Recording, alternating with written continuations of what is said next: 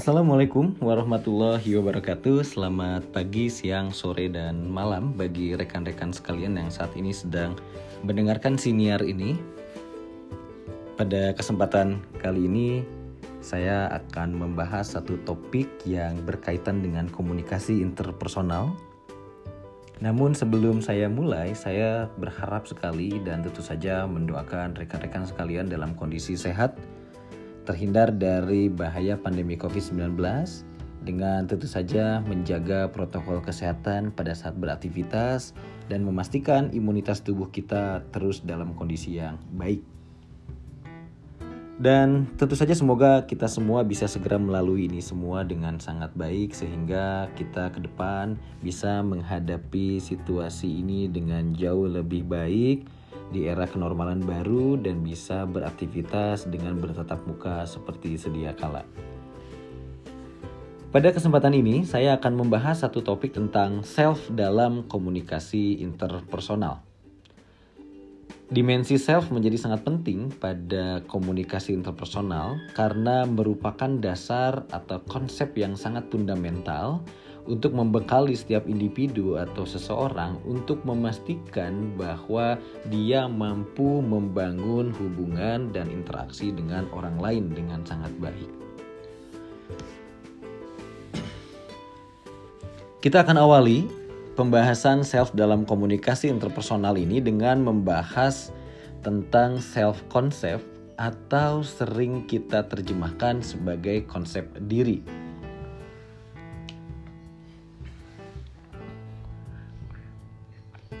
Konsep diri dapat diartikan sebagai gambaran seseorang mengenai dirinya sendiri atau penilaian terhadap dirinya sendiri. Konsep diri merupakan persepsi seseorang terhadap dirinya sendiri, di mana persepsi ini dibentuk melalui pengalaman dan interpretasi seseorang terhadap dirinya sendiri. Pandangan terhadap diri sendiri boleh bersifat psikologis, sosial, maupun fisik. Sedangkan apabila saya mengambil satu teori menurut Burns, konsep diri merupakan gambaran yang bersifat individu dan sangat pribadi, yang sangat dinamis dan juga evaluatif, yang mana masing-masing orang dapat mengembangkannya. Atau bisa dikatakan bahwa konsep diri merupakan gambaran campuran dari apa yang kita pikirkan, kemudian pendapat orang mengenai kita, dan seperti apa diri kita yang kita pikirkan. Konsep diri seseorang dinyatakan melalui sikap dirinya yang merupakan aktualisasi orang tersebut. Jika konsep diri seseorang negatif, maka akan negatiflah perilaku seseorang tersebut. Sebaliknya, jika konsep diri seseorang positif, maka positif pula lah perilaku seseorang tersebut.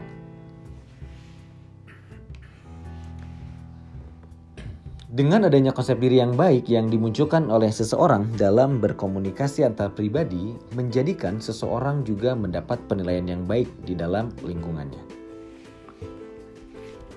Dan pada dasarnya, konsep diri tersusun atas tahapan-tahapan, di mana tahapan yang paling dasar adalah konsep diri primer yang terbentuk atas dasar pengalaman terhadap lingkungan terdekatnya, yaitu lingkungan rumah tempat di mana dia tinggal di mana lingkungan terdekat merupakan tempat di mana individu berkomunikasi serta membentuk dan memberi nilai terhadap abstraksi tentang dirinya. Kemudian diikuti dengan konsep diri sekunder terbentuk banyak ditentukan oleh bagaimana konsep diri primernya yang dia peroleh juga dari lingkungan sosialnya. Dari beberapa pendapat ahli, maka dapat disimpulkan bahwa pengertian konsep diri adalah cara pandang secara menyeluruh tentang dirinya yang terbentuk melalui interaksi dengan lingkungannya, yang meliputi kemampuan yang dimiliki, perasaan yang dialami, kondisi fisik dirinya, maupun lingkungan terdekatnya. Dengan adanya konsep diri inilah, seseorang bisa memperoleh penilaian dari lingkungannya berdasarkan pengalaman dari seseorang terhadap dirinya. Kemudian selanjutnya, menurut Calhoun dan Ahokela membedakan konsep diri menjadi dua macam, yaitu yang pertama adalah konsep diri yang positif. Konsep diri positif bukanlah pada kebanggaan akan dirinya sendiri, melainkan pada pemikiran individu mengenai penerimaan dirinya. Konsep diri yang positif juga mengharapkan suatu harapan secara realistis. Dan biasanya orang yang memiliki konsep diri positif menunjukkan karakteristik sebagai berikut. Antara lain yang pertama, orang yang memiliki konsep diri positif cenderung merasa mampu mengatasi masalah. Kemudian yang kedua, merasa setara dengan orang lain. Yang ketiga, menerima pujian tanpa rasa malu. Dan terakhir yang keempat, merasa mampu memperbaiki diri. Sementara itu untuk yang kedua yaitu konsep diri negatif. Umumnya seseorang yang berkonsep diri negatif memandang dirinya tidak teratur dan kurang bisa menyesuaikan dengan perubahan yang terjadi. Konsep diri seperti ini biasa terjadi pada masa peralihan dari masa anak-anak menuju ke masa dewasa dan ketidakteraturan tersebut hanya terjadi dalam waktu sementara. Orang yang umumnya memiliki konsep diri negatif memiliki karakteristik sebagai berikut antara lain yang pertama adalah peka terhadap kritik, yang kedua bersikap responsif terhadap pujian, yang ketiga cenderung merasa tidak disukai orang lain, kemudian yang keempat mempunyai sikap hiperkritik, dan yang kelima mengalami hambatan dalam interaksi dengan lingkungan sosialnya, serta yang terakhir merasa kurang mampu dalam berinteraksi dengan orang lain. Kemudian, menurut Brian Tracy, self-concept memiliki tiga bagian utama atau komponen. Ketiga elemen atau bagian atau komponen tersebut merupakan satu kesatuan yang membentuk kepribadian. Komponen tersebut antara lain yang pertama adalah diri ideal atau self ideal. Self ideal adalah komponen pertama dari self ideal yang terdiri dari harapan, impian, dan visi. Self ideal terbentuk dari kebaikan, nilai-nilai, dan sifat-sifat yang paling Anda kagumi dari diri Anda maupun dari orang lain yang Anda hormati. Kemudian yang kedua adalah citra diri atau self image. Bagian ini menunjukkan bagaimana Anda membayangkan diri Anda sendiri dan juga menentukan bagaimana Anda akan bertingkah laku dalam satu situasi tertentu. Karena kekuatan self image, semua perbaikan dalam hidup Anda akan dimulai dari perbaikan dalam self image tersebut. Dan yang terakhir yang ketiga adalah self esteem atau jati diri kita yang merupakan satu konsep tentang seberapa besar Anda menyukai diri Anda sendiri. Semakin Anda menyukai diri Anda, maka semakin baik Anda dalam bertindak dalam bidang apa pun yang Anda tekuni. Dan semakin baik performa Anda, Anda akan semakin menyukai diri Anda. Dan ini merupakan bagian yang sangat penting pada komponen emosional di dalam kepribadian. Baik, itu tadi pembahasan terkait dengan konsep diri. Dan kita akan lanjutkan pada pemaparan terkait dengan self-awareness atau kesadaran diri. Self-awareness atau kesadaran diri adalah perhatian yang berlangsung ketika seorang mencoba memahami keadaan internal dirinya. Prosesnya berupa semacam refleksi di mana seseorang secara sadar memikirkan hal-hal yang ia alami Berikutnya emosi-emosi mengenai pengalaman tersebut. Dengan kata lain, self-awareness adalah keadaan ketika kita membuat diri sendiri sadar tentang emosi yang sedang kita alami dan juga pikiran-pikiran kita mengenai emosi tersebut. Kesadaran diri merupakan proses mengenali motivasi, pilihan, dan kepribadian kita Lalu bagaimana kemudian menyadari pengaruh faktor-faktor tersebut atas penilaian, keputusan, dan interaksi kita dengan orang lain. Kesadaran diri adalah perhatian yang berlangsung ketika seseorang mencoba memahami kesediaan internal dirinya. Kesadaran diri juga merupakan keadaan ketika kita membuat diri sendiri sadar tentang emosi yang sedang kita alami dan juga pikiran-pikiran kita mengenai emosi tersebut. Lalu apa sebetulnya pentingnya self awareness bagi diri kita atau dirimu sendiri? Self awareness sangat penting bagi saya sendiri dikarenakan self awareness sendiri berguna untuk meningkatkan kepercayaan diri. Meningkatkan rasa percaya diri dimulai dengan bahasa untuk mengenal potensi diri, kemudian hal-hal yang mendukung rasa percaya diri, mengolah potensi dan faktor pendukung, lalu kemudian lebih bisa menerima diri, menjadi lebih percaya diri dan tahu cara mengembangkan diri sendiri. Kesadaran diri ini dapat dibangun dengan mengaktifkan bagian otak yang disebut neokortex. Ini adalah bagian otak yang terkait dengan penggunaan bahasa. Artinya, untuk meningkatkan kesadaran diri, Anda perlu membahasakan, mengidentifikasi, dan menamai emosi yang Anda rasakan.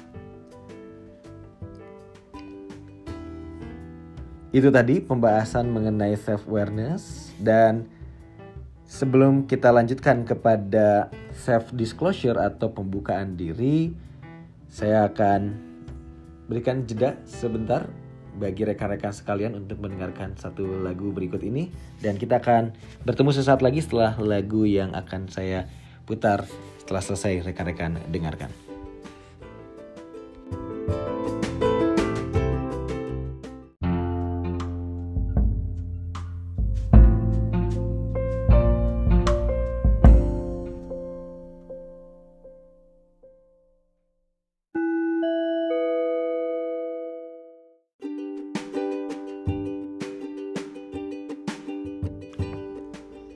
Baik, kita lanjutkan kembali pembahasan atau topik berkaitan dengan self dalam komunikasi interpersonal. Dan saat ini kita akan membahas lebih lanjut terkait dengan self disclosure atau pembukaan diri. Menurut person dan kawan-kawan, komunikasi antar pribadi atau komunikasi interpersonal didefinisikan sebagai proses menggunakan pesan untuk menyamakan makna minimal antara dua orang dalam sebuah situasi yang memungkinkan terjadinya peluang bagi keduanya untuk berbicara dan mendengarkan. Komunikasi antar pribadi atau komunikasi interpersonal juga didefinisikan sebagai komunikasi yang terjadi dalam hubungan interpersonal. Dan hubungan interpersonal yang dibentuk akan menjadi lebih dekat dan lebih dalam apabila kedua belah pihak bersedia membuka diri dengan cara menyampaikan berbagai informasi terkait hal-hal yang sifatnya pribadi, sensitif, atau rahasia. Dan proses ini sering kali dinamakan sebagai self-disclosure.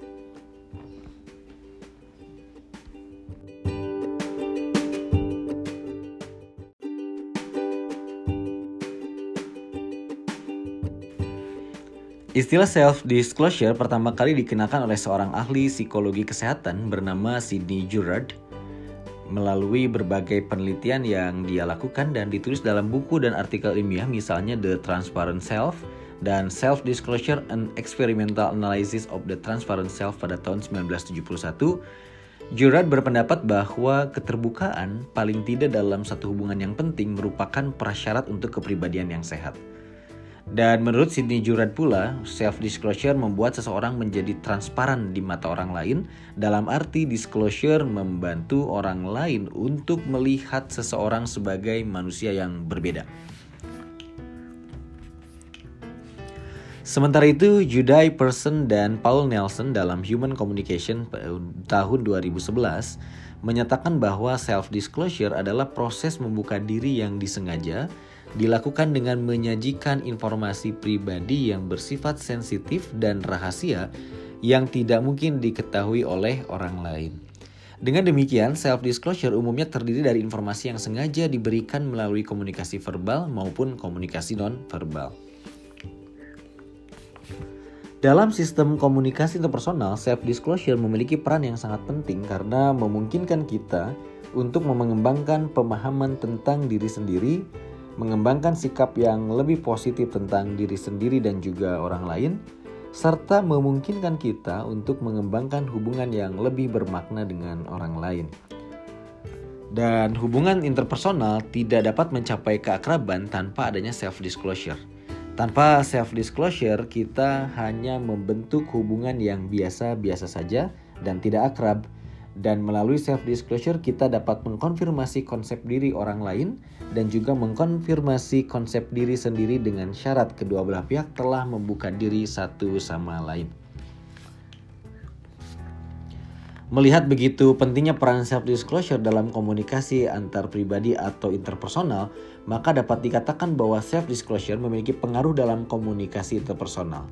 Adapun pengaruh self disclosure adalah sebagai berikut. Yang pertama adalah memungkinkan terjadinya pertumbuhan pribadi.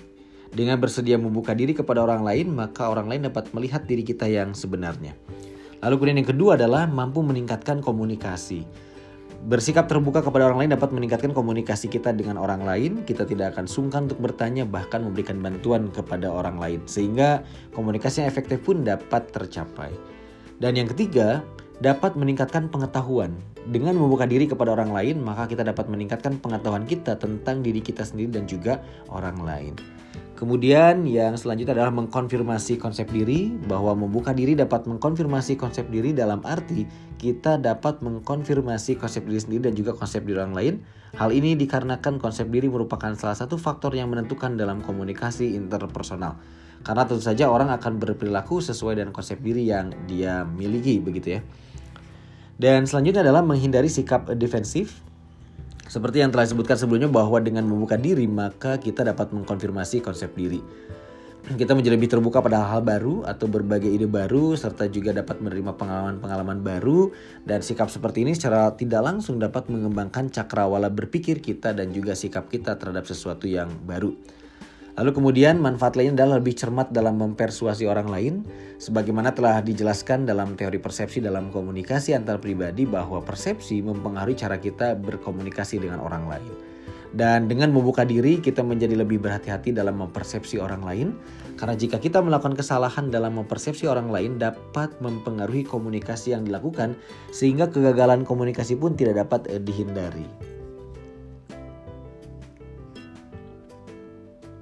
Dan poin ketujuh, self disclosure men dapat meningkatkan rasa percaya diri kita. Membuka diri merupakan salah satu bentuk konsep diri yang sangat positif. Dan konsep yang positif timbul karena adanya rasa percaya diri atau percaya pada kemampuan eh, diri sendiri. Orang yang memiliki rasa percaya diri yang tinggi tidak akan menghindari situasi komunikasi dan tidak akan takut untuk berkomunikasi. Lalu kemudian poin yang ke-8, mampu meningkatkan atraksi interpersonal merujuk pada ketertarikan kita kepada seseorang dan meningkatkan kecenderungan kita untuk berkomunikasi dengan orang tersebut. Lalu kemudian poin ke-9 adalah menciptakan rasa percaya kepada orang lain. Dengan saling membuka diri, maka secara langsung dapat menciptakan rasa percaya kita kepada orang lain. Begitu pula sebaliknya. Ketika seseorang menunjukkan bahwa mereka cukup menyukai dan mempercayai kita untuk berbagai informasi pribadi yang dimiliki, maka kita juga akan mulai untuk menyukai dan mempercayai mereka. Dan poin ke 10 atau terakhir bahwa self disclosure dapat membentuk norma interaksi yaitu sikap membuka diri kepada orang lain tentunya disesuaikan dengan tingkatan atau derajat kedekatan yang kita miliki dengan orang lain. Walaupun kita bersikap terbuka pada orang lain, terdapat batasan-batasan tertentu yang disesuaikan dengan etika komunikasi antar pribadi, di mana kita tidak dapat 100% untuk membuka diri kepada orang lain. Karena tentu saja hal tersebut justru dapat menimbulkan hambatan komunikasi antar pribadi yang mengarah pada kegagalan komunikasi dan merusak hubungan interpersonal. Demikian manfaat dari pembukaan diri atau peran yang begitu sentral dari pembukaan diri yang sangat penting untuk kita ketahui bersama. Selanjutnya kita akan membahas topik lain yang masih berkaitan dengan self dalam komunikasi interpersonal yaitu tentang Johari Window atau jendela Johari. Di mana konsep ini merupakan atau model ini merupakan salah satu cara untuk melihat dinamika dari self awareness yang berkaitan dengan perilaku, perasaan dan motif kita. Model yang diciptakan oleh Joseph Luff dan Harry Ingham di tahun 1955 ini berguna untuk mengamati cara kita memahami diri kita sendiri sebagai bagian dari proses komunikasi. Joseph Luff dan Harrington Ingham atau Harry Ingham mengembangkan konsep Johari Window sebagai perwujudan bagaimana seseorang berhubungan dengan orang lain yang digambarkan sebagai sebuah jendela. Di mana jendela tersebut terdiri dari matrik 4 sel di mana masing-masing sel menunjukkan daerah self uh, diri baik yang terbuka maupun yang disembunyikan. Keempat sel tersebut adalah daerah publik, daerah buta, daerah tersembunyi, dan daerah yang tidak disadari. Dan kita akan mulai satu persatu untuk mengulas daerah-daerah yang ada atau sel yang ada di dalam model Johari Window tersebut. Yang pertama adalah open area atau daerah terbuka adalah informasi tentang diri kita yang diketahui oleh orang lain seperti nama, jabatan, pangkat, status pernikahan, lulusan, dan lain-lain. Area terbuka juga merujuk kepada perilaku, perasaan, dan motivasi yang diketahui oleh diri kita sendiri dan orang lain. Bagi orang yang telah mengenal potensi dan kemampuan dirinya sendiri, kelebihan dan kekurangannya sangatlah mudah untuk melakukan kegiatan-kegiatan yang bermanfaat bagi diri sendiri maupun orang lain, sehingga orang dengan tipe ini pasti selalu menemui kesuksesan di setiap langkahnya. Karena orang lain tahu kemampuannya, begitu juga dengan dirinya sendiri. Dan kaitannya dengan memulai sebuah hubungan, kita akan menginformasikan sesuatu yang ringan tentang diri kita dan makin lama informasi tentang diri kita akan terus bertambah dan secara vertikal sehingga mengurangi hidden area. Makin besar open area, makin produktif dan menguntungkan hubungan interpersonal kita. Kemudian selanjutnya adalah hidden area atau area tersembunyi berisi informasi yang kita tahu tentang diri kita tapi tertutup bagi orang lain. Dan informasi ini meliputi perhatian kita mengenai atasan, pekerjaan, keuangan, keluarga, kesehatan, dan lain-lain. Dengan tidak berbagi mengenai hidden area biasanya akan menjadi penghambat dalam berhubungan. Hal ini akan membuat orang lain miskomunikasi tentang kita yang kalau dalam hubungan kerja akan mengurangi tingkat kepercayaan orang. Merujuk kepada perilaku, perasaan, dan juga motivasi yang diketahui oleh orang lain tetapi tidak diketahui oleh diri kita sendiri.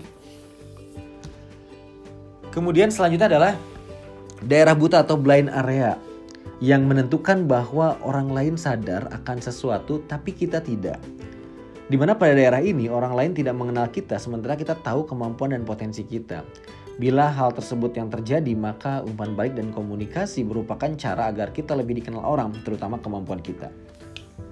Hilangkan rasa tidak percaya diri dan mulailah terbuka, misalnya bagaimana cara mengurangi grogi, bagaimana cara menghadapi dosen, ataupun juga bagaimana cara kita menghadapi hal-hal yang selama ini membuat kita khawatir. Sehingga dengan membiasakan diri seperti itu dan juga mendapatkan masukan dari orang lain, blind area ini pelan-pelan atau secara perlahan akan mulai berkurang. Di mana semakin kita memahami kekuatan dan kelemahan diri kita yang diketahui orang lain, maka akan bagus dalam bekerja secara tim. Tentu saja sama merujuk kepada perilaku, perasaan, dan motivasi yang diketahui oleh diri kita sendiri, tetapi tidak diketahui oleh orang lain.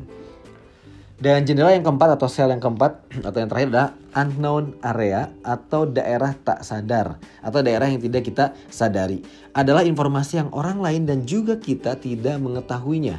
Sampai kita mendapat pengalaman tentang sesuatu hal atau orang lain melihat sesuatu akan diri kita bagaimana kita bertingkah laku atau berperasaan. Misalnya ketika pertama kali senang terhadap orang lain selain anggota keluarga kita. Tentu saja kita tidak pernah bisa mengatakan perasaan cinta dan sayang dan jendela ini akan mengecil sehubungan e, kita tumbuh dewasa dan mulai mengembangkan diri atau belajar dari pengalaman. Jadi ini semua merupakan sebuah proses yang kemudian harus dialami terlebih dahulu sehingga kita mulai bisa memahami banyak hal tentu saja. Dan sebelum saya lanjutkan kepada bagian terakhir pada topik yang berkaitan dengan self dalam komunikasi interpersonal ini, saya akan jeda sebentar untuk rekan-rekan bisa menikmati sajian lagu kembali, satu lagu yang akan saya berikan. Setelah itu nanti kita akan bersama kembali bergabung untuk mendengarkan kembali paparan mengenai topik self disclosure dan yang akan dilanjutkan dengan tingkatan pengungkapan diri. Baik, selamat mendengarkan dan kita akan segera bertemu kembali.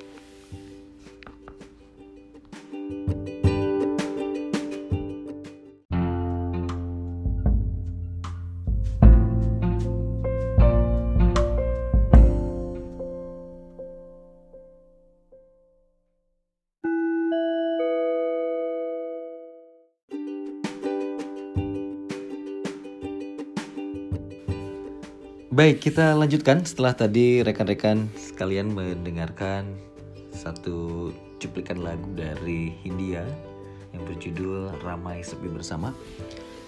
Kita lanjutkan pada bagian akhir yaitu tentang tingkat pengungkapan diri menurut Johnson dan juga menurut Powell. Tingkatan pengungkapan diri terdiri pada lima tingkatan yaitu yang pertama adalah basa-basi Basa-basi dilakukan dalam taraf awal perkenalan dan hal ini merupakan sebuah tingkat pengungkapan diri yang paling dasar seperti berkenalan, kemudian juga menanyakan kesibukan, aktivitas yang saat ini sedang dilakukan. Kemudian selanjutnya tingkat yang kedua adalah membicarakan orang lain. Di sini kedua belah pihak mulai membicarakan orang lain dan menjadikan hal tersebut sebagai suatu pembicaraan yang memiliki tingkatan lebih dibandingkan dengan sekedar basa-basi tadi di mana seorang individu ini belum mengungkapkan sebuah pengungkapan dari dalam dirinya, tapi sedikit banyak sudah mulai meluangkan waktunya untuk membicarakan hal-hal lain di luar dari dirinya. Kemudian pada tingkatan selanjutnya, tingkatan yang ketiga adalah menyatakan gagasan atau pendapat. Di taraf ini, menyatakan gagasan atau pendapat berarti seorang individu sudah mulai membuka dirinya terhadap suatu objek yang menandakan bahwa hubungannya semakin erat dan di sini komunikasi yang dijalin pun sudah mulai meningkat dari sisi frekuensi dan juga intensitas. Dan di sini sudah mulai terbangun perasaan untuk saling membutuhkan dan mulai ketergantungan dan juga sudah mulai satu sama lain tumbuh kepercayaan. Dan tingkatan yang keempat adalah menyatakan perasaan. Perasaan yang dimiliki tentu saja setiap individu berbeda dengan orang lain di mana menyatakan perasaan ini bisa mengarah kepada komunikasi nonverbal seperti menangis, marah, kemudian kecewa, takut, heran, dan lain sebagainya. Ataupun juga bisa menyatakan perasaan sayang, cinta, kasih, dan lain sebagainya yang sangat dimungkinkan pada tahapan ini sudah mulai bisa kemudian dilakukan dan secara terbuka kedua belah pihak sudah mulai memfasilitasi keduanya menjadi sesuatu hal yang berjalan alamiah dan biasa dan disenangi oleh keduanya. Dan pada akhirnya di hubungan puncak adalah uh, atau di tingkatan yang kelima adalah hubungan puncak yaitu hubungan di mana sebuah empati mulai muncul dalam pembukaan diri. Pembukaan diri dari hubungan puncak ini bisa seperti persahabatan, bisa juga suami dan istri serta hubungan anak dengan orang tuanya. Semakin intim komunikasi yang dilakukan, maka semakin erat hubungan yang terjalin. Walaupun tentu saja kita juga sepakat bahwa seringnya berkomunikasi belum tentu akan memperkuat hubungan interpersonal, tapi sedikit banyak kita memiliki waktu yang cukup atau lebih banyak untuk memastikan bahwa hal-hal yang kita sampaikan haruslah yang baik-baik saja. Sehingga kuncinya lebih kepada bagaimana cara kita menyampaikan pesan, apa yang kita sampaikan, dan bagaimana kita memastikan semua itu terjadi dengan sangat baik dan efektif. Itu tadi tingkatan pengungkapan diri yang dapat rekan-rekan semua resapi dan pahami sebagai satu bagian dari bagaimana kita memulai sebuah hubungan hingga kemudian mendapatkan hubungan yang sangat baik dan mencapai di level puncak tentu saja sesuai dengan yang kita harapkan. Itu saja yang dapat saya sampaikan pada uh, pertemuan kali ini dan kesempatan kali ini. Semoga apa yang saya sampaikan dapat bermanfaat dan sebelum saya akhiri, saya ingin menyampaikan satu kata bijak yang disampaikan oleh Confucius. Dia menyampaikan bahwa respect yourself and others will respect you. Jadi hargailah diri kita sendiri dan yakinlah bahwa orang lain pun akan menghargai diri kita dan pastikan kita harus menilai diri kita sendiri sama baiknya ketika kita menilai orang lain dan pastikan bahwa kita lebih banyak memahami tentang diri kita sendiri sebelum kita berupaya untuk mengenal diri orang lain. Itu saja sekali lagi yang bisa saya sampaikan. Mohon maaf apabila terdapat kata-kata yang tidak tepat dan tidak berkenan dan menyinggung perasaan dan di sini saya sangat berharap sekali ini bisa memberikan manfaat pengayaan baru dan juga menambah rujukan bagi rekan-rekan sekalian di dalam beraktivitas, kemudian bergaul dan juga membangun hubungan dengan orang lain di luar sana. Terima kasih atas perhatian dan kebersamaannya. Saya akhiri wabillahi taufik wal hidayah. Wassalamualaikum warahmatullahi wabarakatuh. Sampai jumpa kembali di pertemuan yang akan datang.